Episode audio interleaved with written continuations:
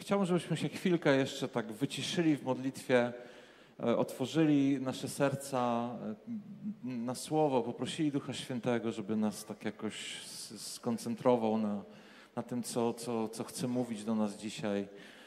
Panie, dziękujemy Ci za to, że jesteś dobry i mówisz do nas. Dziękujemy Ci za to, że przynosisz świeży chleb do naszego życia i Dzisiaj stajemy przed Tobą i zanurzamy się w Twojej obecności. Dziękujemy Ci za Twoją obecność pośród nas. Dziękujemy Ci za Twoją obecność. Dziękujemy Ci za to, że przychodzisz, że jesteś wierny. Dziękujemy Ci za to i dziękujemy Ci za Twoje słowo, które wkładasz w nasze serca, po to, żeby budować nasze życie, żeby je kształtować według swojej mądrości, według swojej szlachetności. Jesteś niesamowitym Bogiem i chcemy naprawdę Cię uczcić dzisiaj. Chcemy Cię wywyższyć, bo jesteś tego godzien, Królu. Dziękujemy Ci za to, że szukasz relacji z nami i dziękujemy Ci za to, że ożywiasz nas swoim słowem, swoim tchnieniem. Dziękujemy Ci. Hmm. Hallelujah. Hallelujah. Ja zawsze stojąc przed Wami jestem mocno zestresowany, powiem Wam szczerze. Generalnie się nie stresuję, ale nie wiem, jakoś tak, ale się stresuję i to jest taki stres, przez który muszę się przebić. Mam nadzieję, że mi się uda. I chciałbym, chciałbym e, przynieść Wam dzisiaj słowo, które, słowo, które e, wierzę, że jest słowem dla, dla Kościoła, dla, dla Was jako wspólnoty ale też wierzę, że to oznacza, że to jest słowo dla każdego z Was i dlatego zachęcam Was do, do tego, żeby, żeby wziąć ile, ile będziecie mogli. Jest takie słowo, które gdzieś w ostatnich miesiącach w moim życiu jest bardzo ważne. Ktoś mi kiedyś powiedział przed pewnym wyjazdem, gdzie w kościele modlili się e, ludzie o mnie i ktoś powiedział: bądź uważny, bądź uważny. Bądź uważny na to, co będziesz widział, na to, co będziesz słyszał, i chcę Was do takiej uważności zachęcić. To słowo gdzieś ciągle i ciągle gdzieś dotyka mojego życia, w jakichś sytuacjach się pojawia. Słowo uważny, uważność. Bądźcie uważni, dlatego że, że e, Bóg chce mówić do, do, do naszych serc. Kilka dni temu e, mieliśmy taką, takie spotkanie i rozmowę, gdzie też z moją żoną rozmawialiśmy i z kimś jeszcze o właśnie o, o słuchaniu, o słyszeniu Boga. I, I ktoś powiedział, właściwie jakby nie słyszę Boga. Były sytuacje, gdzie wiem, że słyszałam Boga wyraźnie i myślę sobie, że że to jest tak w naszym życiu, że z tym słyszeniem Boga często jakoś to sobie układamy, jakoś to sobie tłumaczymy, dopasowujemy do, do swojego życia, ale ja dzisiaj przychodzę do Was z takim słowem, e, które, które ma Was przekonać do tego, że Bóg mówi. Bóg mówi do Ciebie, Bóg mówi o wiele więcej niż słyszysz, Bóg mówi o wiele więcej niż Ci się wydaje. Jesteś ważniejszy i ważniejsza dla Niego niż Ci się wydaje. Jesteście ze mną? Jesteś, jesteście ważniejsi, jesteśmy. To dotyczy mnie tak samo. Jesteśmy ważniejsi dla Niego niż nam się wydaje, i Bóg szuka nas bardzo często poprzez, poprzez to, co mówi do nas. Bóg próbuje złapać nas. Bóg, Bóg jest niesamowicie relacyjnym Bogiem. Czasami ta, ta, ta religijność w naszym życiu gdzieś, gdzieś stawia jakieś bariery, takie, takie często szklane ściany między nami a Bogiem i, i mamy jakiś utrudniony kontakt, ale chcę Wam powiedzieć, Bóg mówi do Twojego życia. Bóg mówi do życia każdego człowieka. Czasami, e, jak wiecie, mamy takie sytuacje w Betel, że, że usługi, usługujemy ludziom w modlitwie i to jest przepiękny czas. I, I to jest niesamowite, jak ludzie są dotykani tym, kiedy uwalniane jest słowo do ich życia. Ale kiedyś robiliśmy też takie rzeczy w innych okolicznościach, gdzie gdzie e, rozmawialiśmy z ludźmi na takich targach niezwykłości, gdzie byli różni ludzie. Rozmawialiśmy z ludźmi na przykład o snach i pytaliśmy, a może ma pani sen, może miała pani sen. a ludzie, nie, nie, takie, a może pani sobie przypomni. I ktoś tam sobie przypominał, siadał na krześle, opowiadał swój sen. I my słuchając tego snu wiedzieliśmy, że Bóg mówi do tego człowieka drukiem, czasami drukiem, czasami w sposób tak jednoznaczny, tak głęboki. I myśmy po prostu brali to i, i, i pokazywali ludziom. Oczywiście to było zanurzone w modlitwę, myśmy byli w, modlitwie, myśmy gdzieś też jakby szukali Bożego prowadzenia w tym. I poprzez to potem bardzo łatwo można było dotknąć życia człowieka głęboko. Ludzie niewierzący, można byłoby powiedzieć, słyszą Boga, to znaczy nie słyszą, to znaczy Bóg do nich mówi, oni tego nie słyszą, ale mogą Go usłyszeć, bo Bóg mówi, bo Bóg jest zainteresowany nami. I chcę Was dzisiaj przekonywać do tego, że, że Bóg mówi. I drugą rzeczą, którą chcę bardzo mocno podkreślić, ale to Wam łatwiej przyjąć, jest to, że Bóg mówi do Kościoła. Do Kościoła. Bóg ma przekaz do Kościoła. Kościół nie jest jakąś masą przypadkowych ludzi. Wspólnota nie jest masą przypadkowych ludzi. Kiedy czytamy listy w objawieniu do, do, do, różnych miast, do różnych kościołów, to były różne sytuacje, to były różne komunikaty, to był różny przekaz, dlatego że Bóg porusza się w kościele, Bóg zna swój kościół. I chcę Was dzisiaj też zachęcić do tego, żebyście nastawili Wasze uszy na to, co Bóg mówi do, do kościoła, do WDJ-u, do Was jako wspólnoty. Ja wierzę, że, że Bóg mówi. W liście do Hebrajczyków w pierwszym rozdziale, w pierwszym wersecie jest napisane, że, że Bóg wiele razy, przez, przez wieki, wieloma sposobami, przez proroków, przez różne, różne kanały, można byłoby powiedzieć, przemawiał do ludzi, przemawiał do ludzi, przemawiał do ludzi. Ludzie go raz słyszeli, a raz nie słyszeli. Raz słyszeli, a raz nie słyszeli. Raz jakby nie trafiało, a, a raz trafiało i potrząsało, i, i zachęcało, i budowało. Ale to słowo mówi nam o tym, że Bóg wielokrotnie i wieloma sposobami przemawiał do ludzi. I powiem Wam, nic się nie zmieniło w Bogu. Nic się nie zmieniło w Bogu. Bóg jest Bogiem, który chodzi i zaczepia ludzi. Bóg jest Bogiem, który chodzi i, i, i, i stara się zwrócić swoją uwagę na, na, na, na, na, na ludzi, żeby, żeby ludzie gdzieś po prostu byli uważni.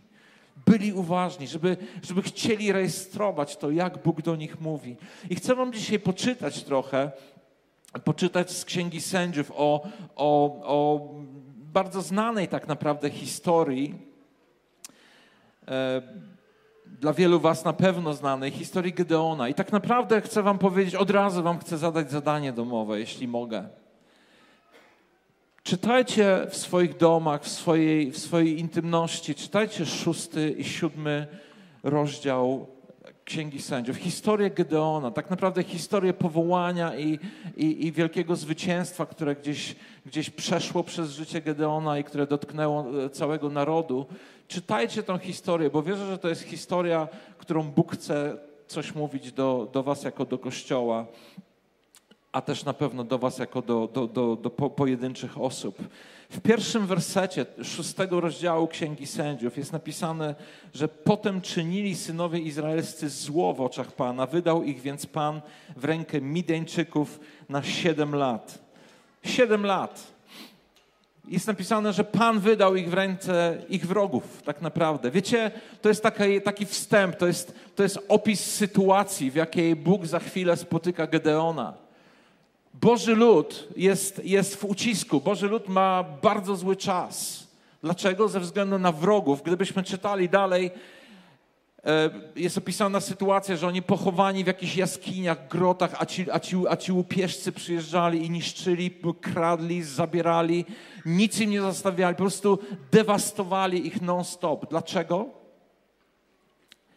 To słowo mówi, że synowie izraelscy czynili zło w oczach Pana i, i wydał ich Pan. I ktoś może powiedzieć, że Bóg jest okrutny, a, a ja chcę dzisiaj powiedzieć, Bóg ich tak bardzo kochał.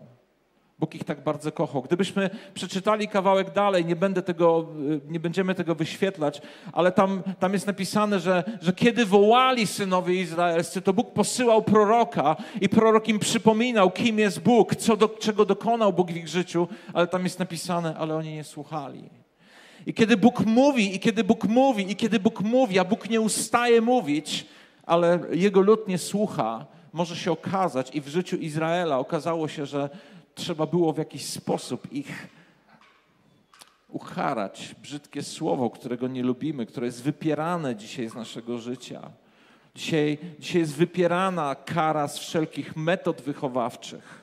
Jest wypierana. Musimy być bardzo ostrożni, bo już miałem rozmowy z ludźmi, którzy mówią, jak to jest możliwe, przecież Bóg jest miłością. Nie lekceważ karania pańskiego, mówi słowo. Nie lekceważ. Nie lekceważ, kiedy Bóg podchodzi do Twojego życia i nawet dzieją się rzeczy trudne, dlatego że wszystko to czyni w miłości. Jeśli nie słuchasz, on jest gotowy posunąć się dalej po to, żeby obudzić Twoją uwagę, żeby obudzić Twoją uwagę po to, żeby Cię nie stracić, po to, żebyś nie zginął. Uważajcie, kiedy, kiedy myślicie o tym, jaki jest Bóg. Uważajcie na to, jakie, jakie objawienie przyjmujecie do swojego życia na temat Boga, dlatego że mam wrażenie, że czasy są takie, że nawet Pana Boga będziemy mieli trochę rozwadnianego, takiego, takiego trochę nieprawdziwego, takiego pasującego bardziej do takiego, takiego humanistycznego podejścia niż do tego biblijnego podejścia. To nie jest srogi Bóg. To nie jest Bóg, który nie lubi ludzi. To jest Bóg, który oddał swojego syna za tych ludzi. Cała ta książka opisuje historię Boga, który nie robi niczego innego, tylko przekonuje ich, jak bardzo chce ich kochać, jak bardzo chce ich błogosławić, jak bardzo są dla Niego ważni. Cała ta książka o tym mówi. I przychodzi Bóg pewnego razu, kiedy ci, ci, ci, ci, ci, ten Boży lud się modli, i przychodzi, przychodzi e, pewnego razu Bóg w postaci, no właśnie, zaraz sobie to wyjaśnimy, ale przeczytajmy może fragment z, z Biblii, żeby nie wszystko opowiadać.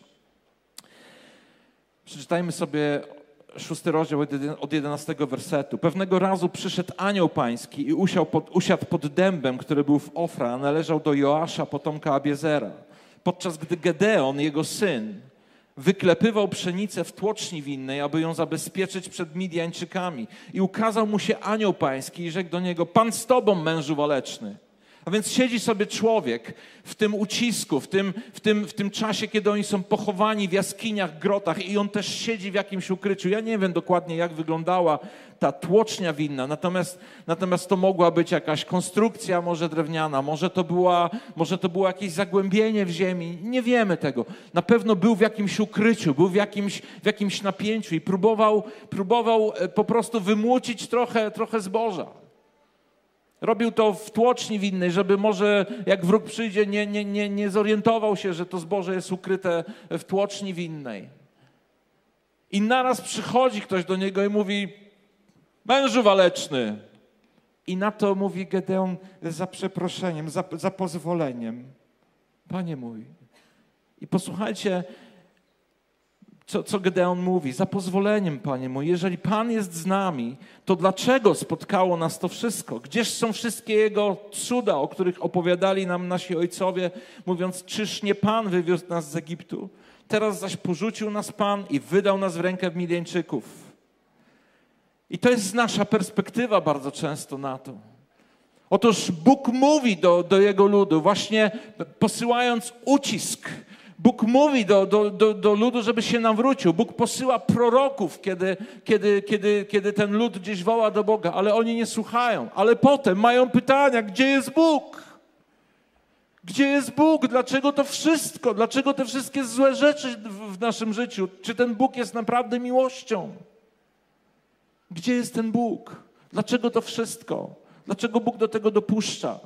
I są takie dwie perspektywy. I my mamy swoją perspektywę na życie i na, na wszystko, co nas otacza. I jest Bóg, który ma swoją perspektywę. Często diametralnie różną.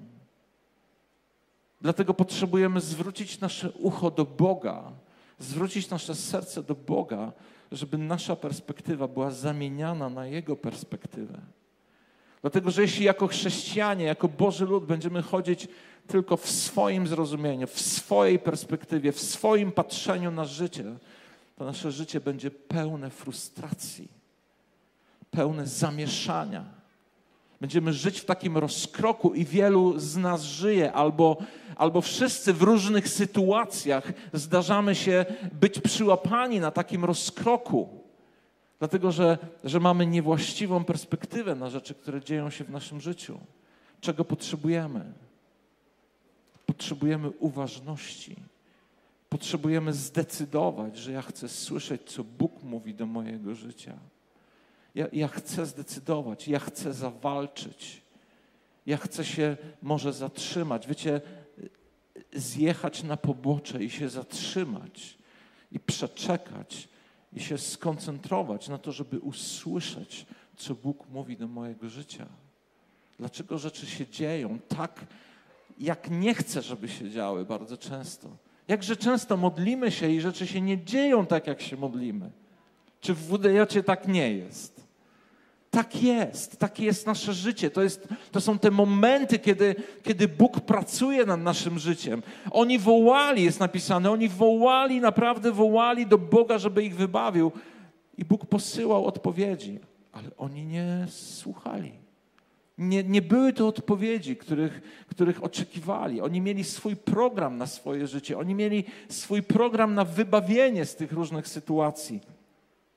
I w tej sytuacji, i w tej sytuacji Gedeonowi odpowiada tenże, tenże anioł. Mówi, idź w tej mocy swojej, to jest czternasty werset, i wybaw Izraela z ręki Midianczyków, przecież to ja cię wysyłam. On zaś rzekł do niego, za pozwoleniem, panie mój. Czym wybawię Izraela? Oto mój ród jest najbiedniejszy wśród Manasesytów, ja sam zaś najmłodszy w domu mego ojca. Bo moja perspektywa i Twoja perspektywa jest taka, że jak będę silny, że jak będę bogaty, że jak będę przystojny i piękny, jak, jak, będę, jak już to i to i tamto, to wtedy Bóg mnie może użyć.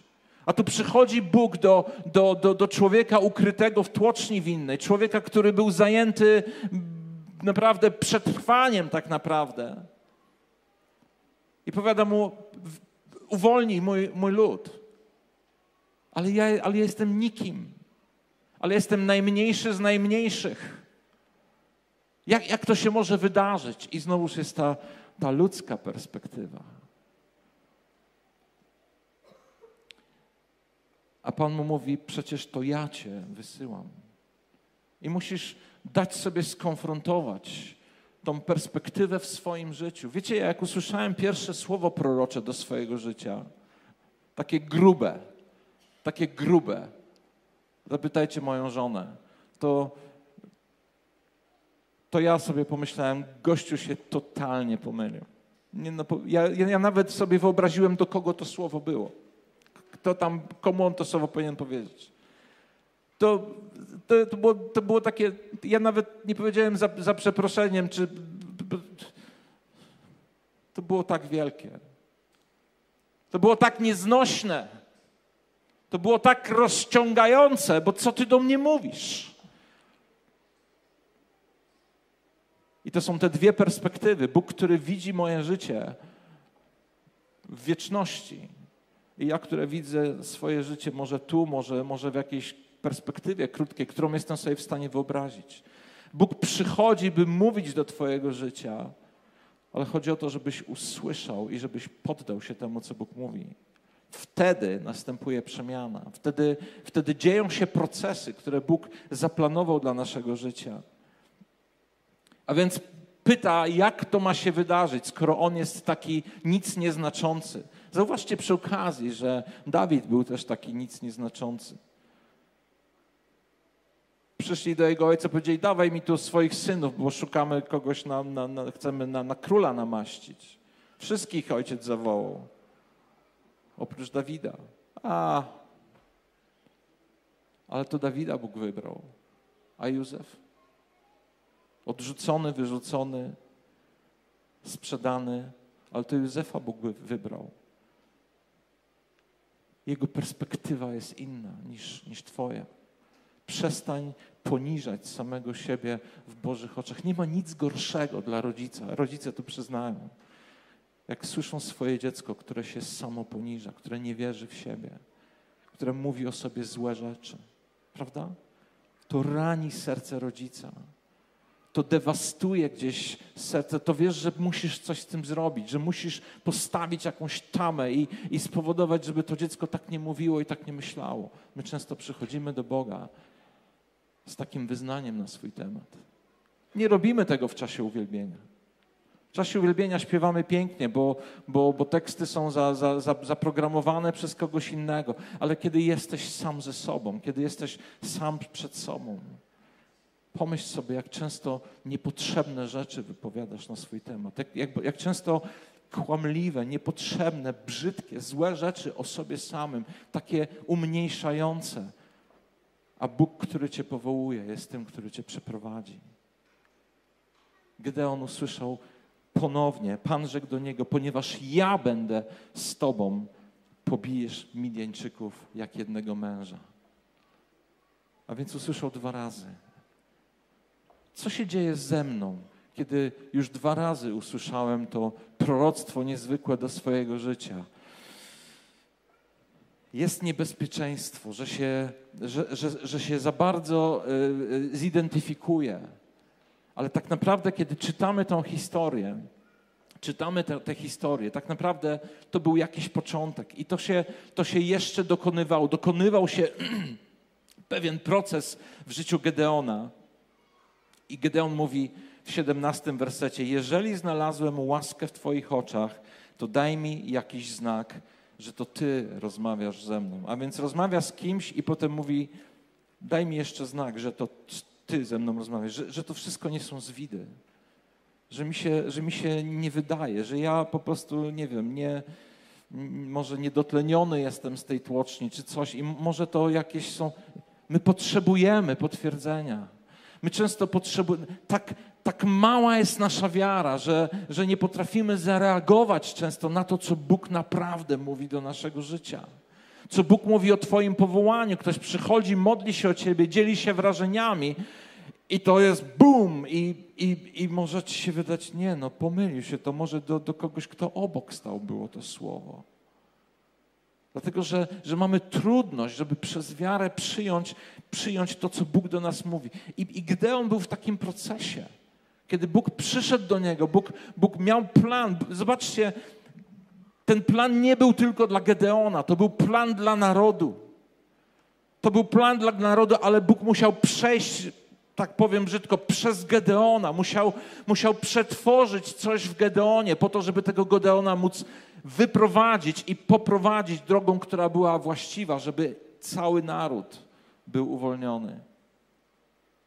Ale ale, ale niewiara jest czymś, co, co odbija to Boże Słowo, te, te, te, tą Bożą zachętę od naszego życia. Znajdź to w sobie, rozpraw się z tym.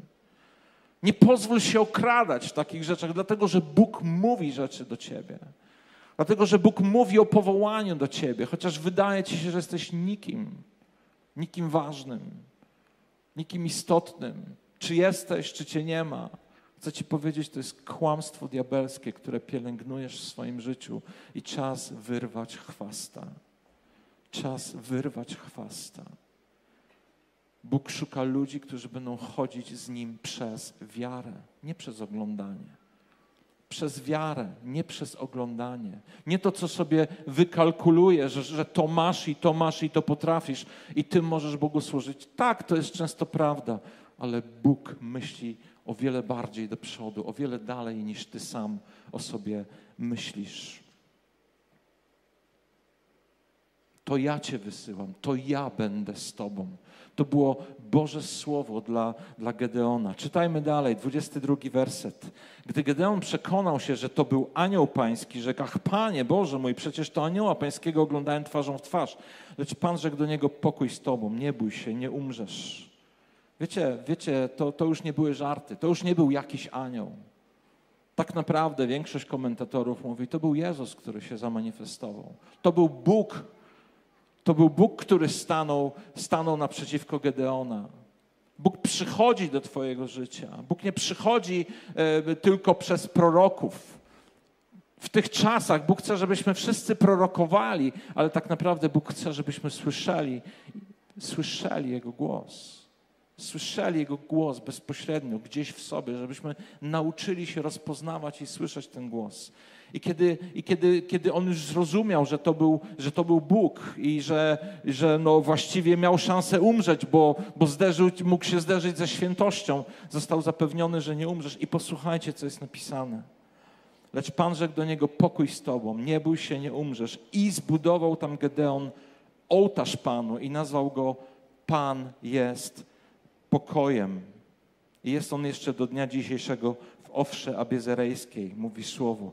I zbudował tam Gedeon ołtarz Panu i nazwał go Pan jest pokojem. Jaki ołtarz dzisiaj stoi w Twoim sercu? Pan zapomniał o mnie? Pan nie pamięta? Pan do mnie nic nie mówi? Jaki ołtarz stoi dzisiaj w Twoim życiu? Co jest początkiem Twojej modlitwy, kiedy przychodzisz do Boga? Co jest w Twoim nastawieniu, kiedy stajesz przed Bogiem? Wątpliwości? Rozterki? Niepewność? Nawet z tym Bóg chce się uporać w Twoim życiu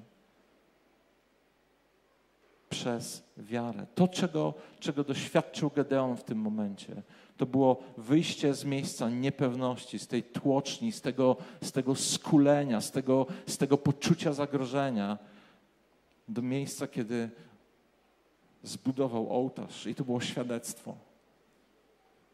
I na tym ołtarzu było napisane: Pan jest moim pokojem. Nic się nie zmieniło w okolicznościach. Midianczycy łupili dalej, wojna trwała, bieda, e, e, to, to wszystko co złe, to wszystko trwało, ale zmieniło się coś w sercu Gedeona. Pan jest moim pokojem. I można byłoby powiedzieć, no super historia, ale to był dopiero wstęp. Bóg dopiero zaczynał nam się wydaje, że jak już wejdziemy w jakieś niezwykłe doświadczenie Boga, to to już jest wow i po prostu już jesteśmy w takim kosmosie duchowym. Ale dla Boga to jest często początek, dlatego że Jego perspektywa jest inna niż nasza. Jego perspektywa jest inna niż nasza. On patrzy daleko dalej i daleko szerzej niż my. I dlatego czytajmy, czytajmy dalej. 25 werset mówi: Tejże nocy rzekł Pan do niego od razu. A więc wybudowałeś piękny ołtarz, jesteś pełen pokoju, do roboty, do, do walki, idziemy dalej. Bóg nie marnuje czasu i mówi, mówi do niego: weź cielca z bydła twojego ojca i drugiego siedmioletniego cielca i rozwal ołtarz Baala, który należy do twojego ojca i zetnij słup, który jest przy nim. I on to robi. Nie będziemy czytać całej tej historii. Jak ktoś powiedział, ostatnio słuchałem takiego kazania, moglibyśmy o tym przeczytać, ale szkoda na to czasu. Ja tak nie nauczam, dlatego staram się jak najwięcej wyczytać, ale jest to długa historia, więc nie szkoda czasu. Nie, nie przyjmujcie takiego zwiastowania. Ale to jest najważniejsze, że Bóg natychmiast mówi: To teraz pójdziesz i będziesz walczył. I wiecie co? Bóg go posyła w sposób radykalny, dlatego że naraz on musi dotknąć czegoś, co zbudował jego ojciec, co miało znaczenie w życiu jego ojca, coś, co było w jego domu, coś, co, co funkcjonowało w jego rzeczywistości, też duchowej prawdopodobnie. Pójdziesz i zdewastujesz, zdewastujesz to, co zostało zbudowane, ten, ten ołtarz Baala. Wiecie, kiedy Bóg przychodzi do naszego życia, Bóg przychodzi najpierw po to, żeby obudzić naszą wiarę, po to, żeby napełnić nas spokojem, ale potem po to, żebyśmy zaczęli walczyć. To, czego dokonuje Bóg w naszym życiu, czego my często nawet nie widzimy, tak jak Gedeon nie widział, że tego potrzebuje. Bóg przychodzi, żeby zrobić porządek. Bóg dokonuje porządku, robi to w miłości, robi to, robi, ale robi to w jednoznaczności. Bóg nie negocjuje w takich sytuacjach. Wiesz, Gedeonku, a może tutaj, prawda, tatuś by ci zaproponował, żebyś może wykopał tego bala ze swojego życia. A Gedeonek powiedział, a po co? A ja tego tak nie widzę. A mi to nie przeszkadza. No to nie ma dyskusji. Na szczęście Bóg nie negocjuje w taki sposób z nami. Więc Gedeon już czegoś nauczony, już napełniony wiarą, już obudzony do tego, żeby zaufać Bogu, rozwala, rozwala ten, ten, ten, tam jest słup postawiony, rozwala ołtarz, robi to dokładnie, do, do czego Bóg go powołuje.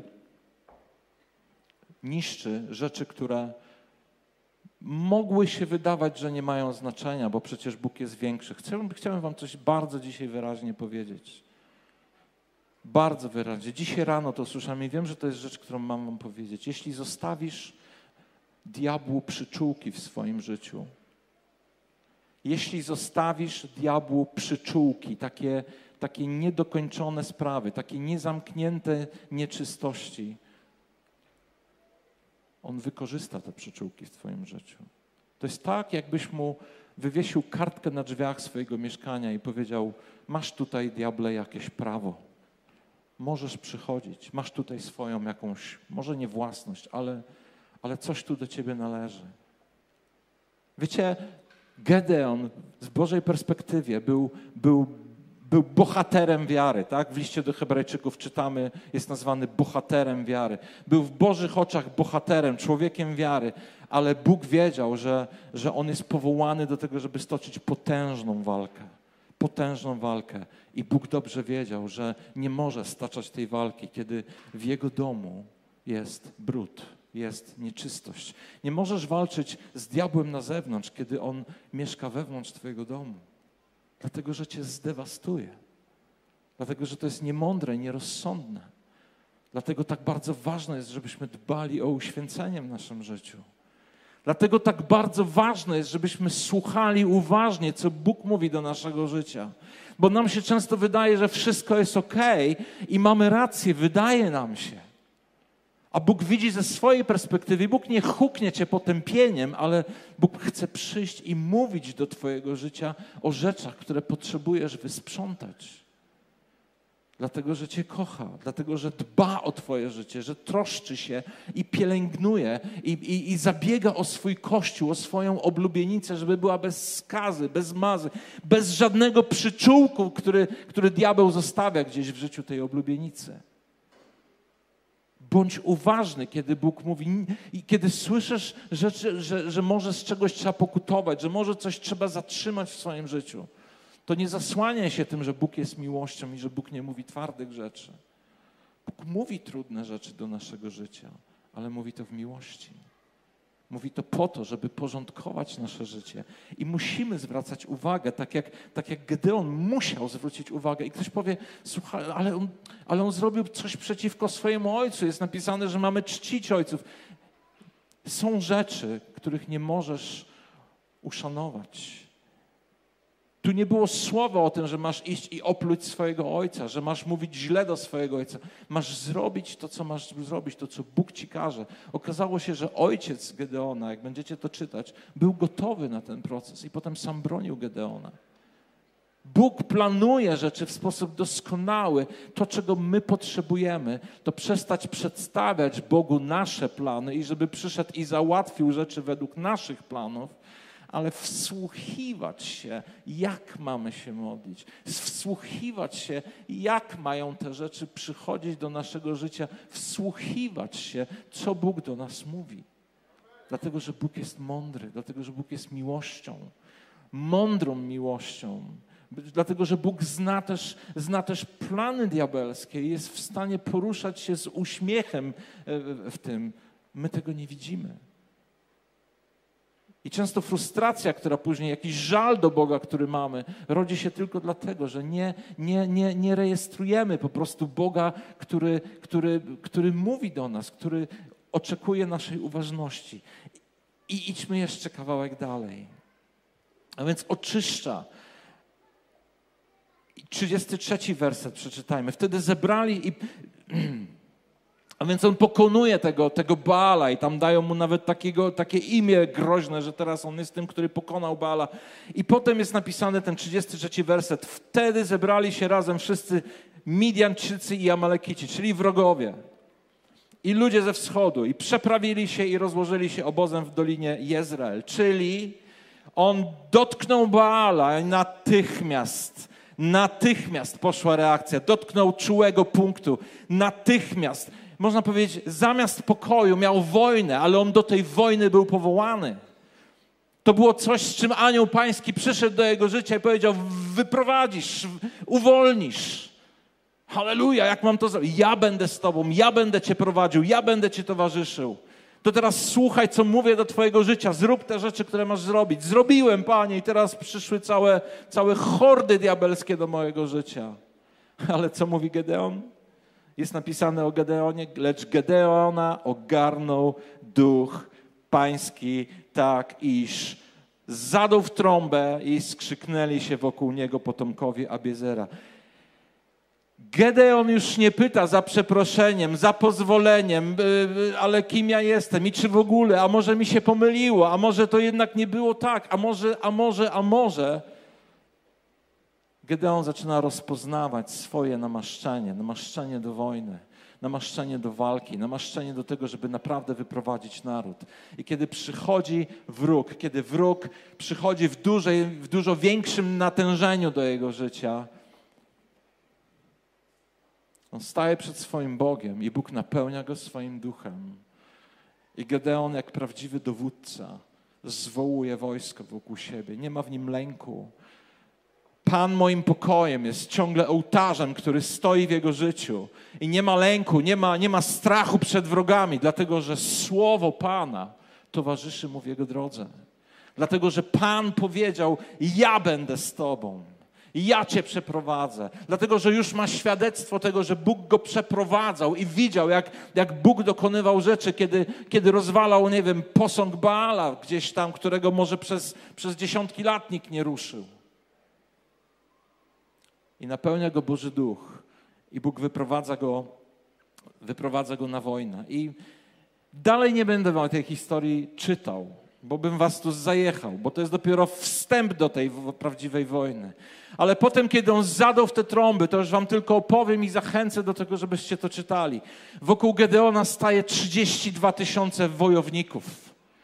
32 tysiące wojowników i Gedeon może stać pewny siebie, że, że Bóg jest z nim, ma potężną armię i teraz dokona zwycięstwa. I wtedy przychodzi do niego Bóg i mówi: Ajajaj, mój plan jest inny niż Twój.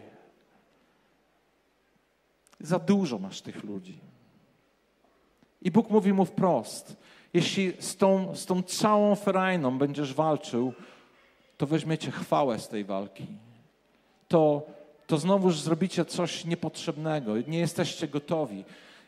Muszę was nauczyć pokory. Chcę, żebyście chcę, żebyś się nauczył pokory. Odeślij tam część tych ludzi. 22 tysiące raptem z tych 32. I gdy on to robi, gdy on ufa Bogu, gdy on nie protestuje. I to jest niesamowite w Gedeonie. To jest przemiana w Gedeonie. A potem Bóg mówi, wiesz co, super, ale te 10 tysięcy to jeszcze trochę za dużo. To jeszcze zagraża twojej, twojej, twojej pysze, że, że ona eksploduje, kiedy, kiedy dokonasz zwycięstwa. Mówi, odeślij resztę i powiedział mu, których. Ilu zostało, pamiętacie? 300 z 32 tysięcy.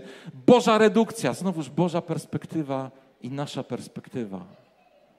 Kto jest Bogiem? Jaki ołtarz stoi w Twoim życiu?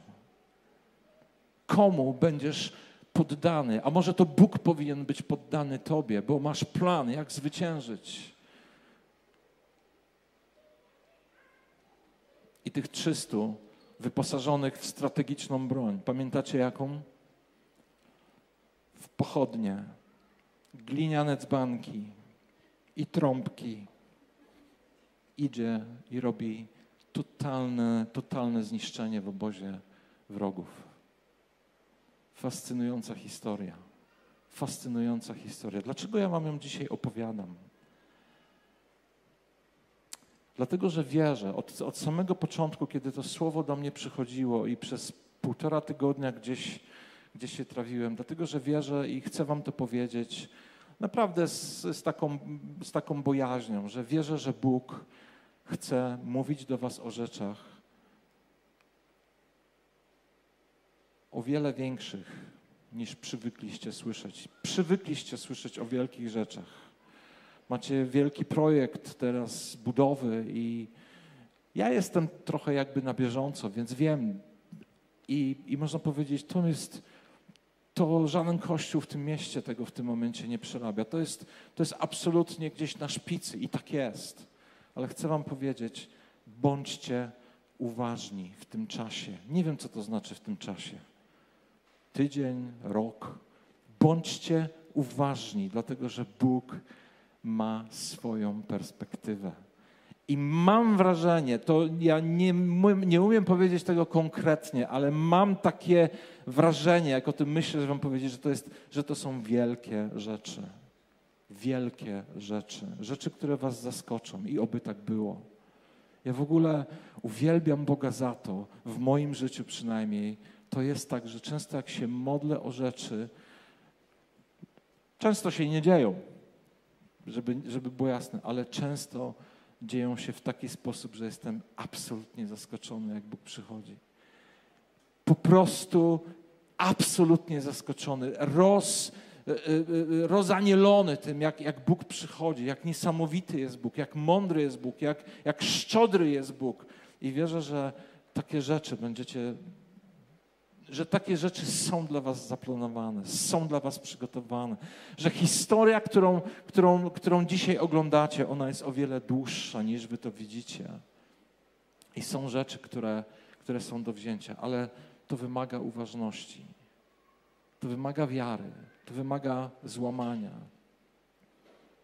e, to wymaga pracowitości, tak to nazwę, takiej duchowej pracowitości.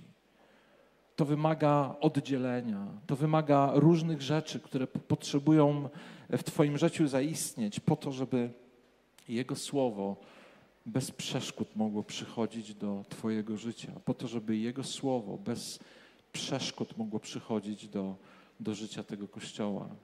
Chcę Was tym naprawdę dzisiaj zachęcić i, i, jakby błogosławić. Naprawdę wierzę, że są rzeczy, wierzę, że, że, że, będziecie przynosić te rzeczy do Kościoła, że będziecie słyszeć rzeczy, mieć objawienia, które będą, będą pomocne, które będą ważne, które będą może nawet strategiczne. Będziecie, będziecie słyszeć, będziesz w pierwszej kolejności będziesz mówił, ale kim ja jestem? Ale potem uszanujesz swojego Boga i powiesz, nieważne kim ja jestem, ważne kim Ty jesteś i kim Ty mnie stworzyłeś, kim Ty chcesz, żebym ja był.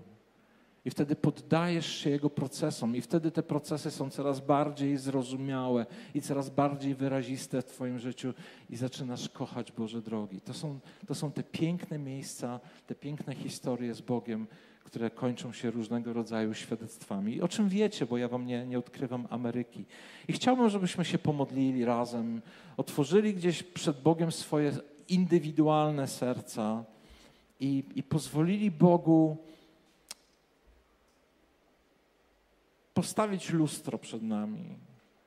Może już wiesz, może już coś chcesz powiedzieć, może powiesz fajnie, że fajnie, że jestem w procesach, a może właśnie potrzebujesz wyjść ze swojej winnej tłoczni. Może potrzebujesz uwierzyć i zobaczyć, że Bóg mówi do Twojego życia. Może mówi już od długiego czasu. Jeśli On mówi do Twojego życia, to to jest tylko i wyłącznie wyraz Jego miłości i szacunku dla Ciebie. Więc, więc nie odwracaj się, nie, nie odpychaj tego od siebie.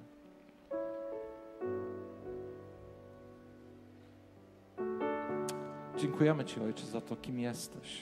Dziękujemy Ci za to, że jesteś, że jesteś dobry i że masz naprawdę dobre myśli o nas. I dziękuję Ci za to, że dzisiaj masz dobre myśli o tych wszystkich osobach, które tu siedzą, które słuchają tego słowa.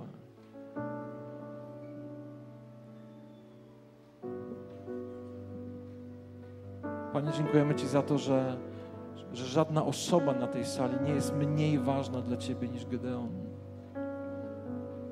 Dziękuję Ci za to, że Ty, Ty masz dobre myśli o nas, o wiele, o wiele lepsze niż my myślimy. Dzisiaj modlę się, Panie, by ta myśl, te myśli były zasiewane w serca tu obecnych. całego Kościoła. Dziękuję Ci za to, że jesteś pełen miłości, pełen mądrości. Jesteś wszechmogącym Bogiem w naszym życiu. Nie tracisz kontroli nad okolicznościami. Panie, dzisiaj stajemy przed Tobą i chcemy wejść do miejsca zaufania. Chcemy zrobić krok w kierunku zaufania Tobie. Zaufania Tobie, bo Ty znasz nasze okoliczności, Ty znasz nasze wołanie i Ty znasz naszą historię. Uwielbiam Cię za to. I modlimy się Duchu Święty, Duchu Słowa, Duchu Prawdy, Duchu Miłości, Duchu Odwagi. Wołamy Duchu Święty, pociągnij nas, pociągnij nas do, do tego, tego wspaniałego męża, który chce nam się objawiać w naszym życiu. Duchu Święty, pociągnij nas do Jezusa, pociągnij nas do, do Jezusa, do relacji z Jezusem. Pociągnij, poprowadź nas. Panie, oddajemy Ci samych siebie, swoją, swoją wolę, swoje emocje w tym momencie. I chcemy przyjść i powiedzieć: Panie, my chcemy wypełnić Twoją wolę, wypełnić przeznaczenie, wypełnić powołanie, osiągnąć rzeczy, które dla nas zamierzyłeś i zaplanowałeś. I chcemy być na tyle silni, żeby umieć złożyć swoje plany u Twoich stóp. I chcemy Ci ufać. I dziękujemy Ci za to, że w naszym życiu możemy mieć ten potężny ołtarz, na którym jest napisane, że Ty jesteś naszym pokojem. Naszym pokojem i naszym bezpieczeństwem.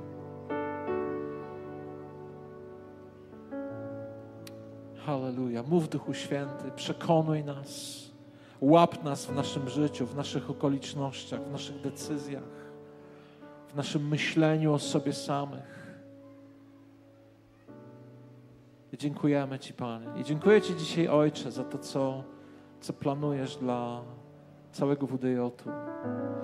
Dziękuję Ci za to, że to, jest, że, to, że to nie jest koniec drogi, że to nie jest jakieś zwieńczanie, ale to jest.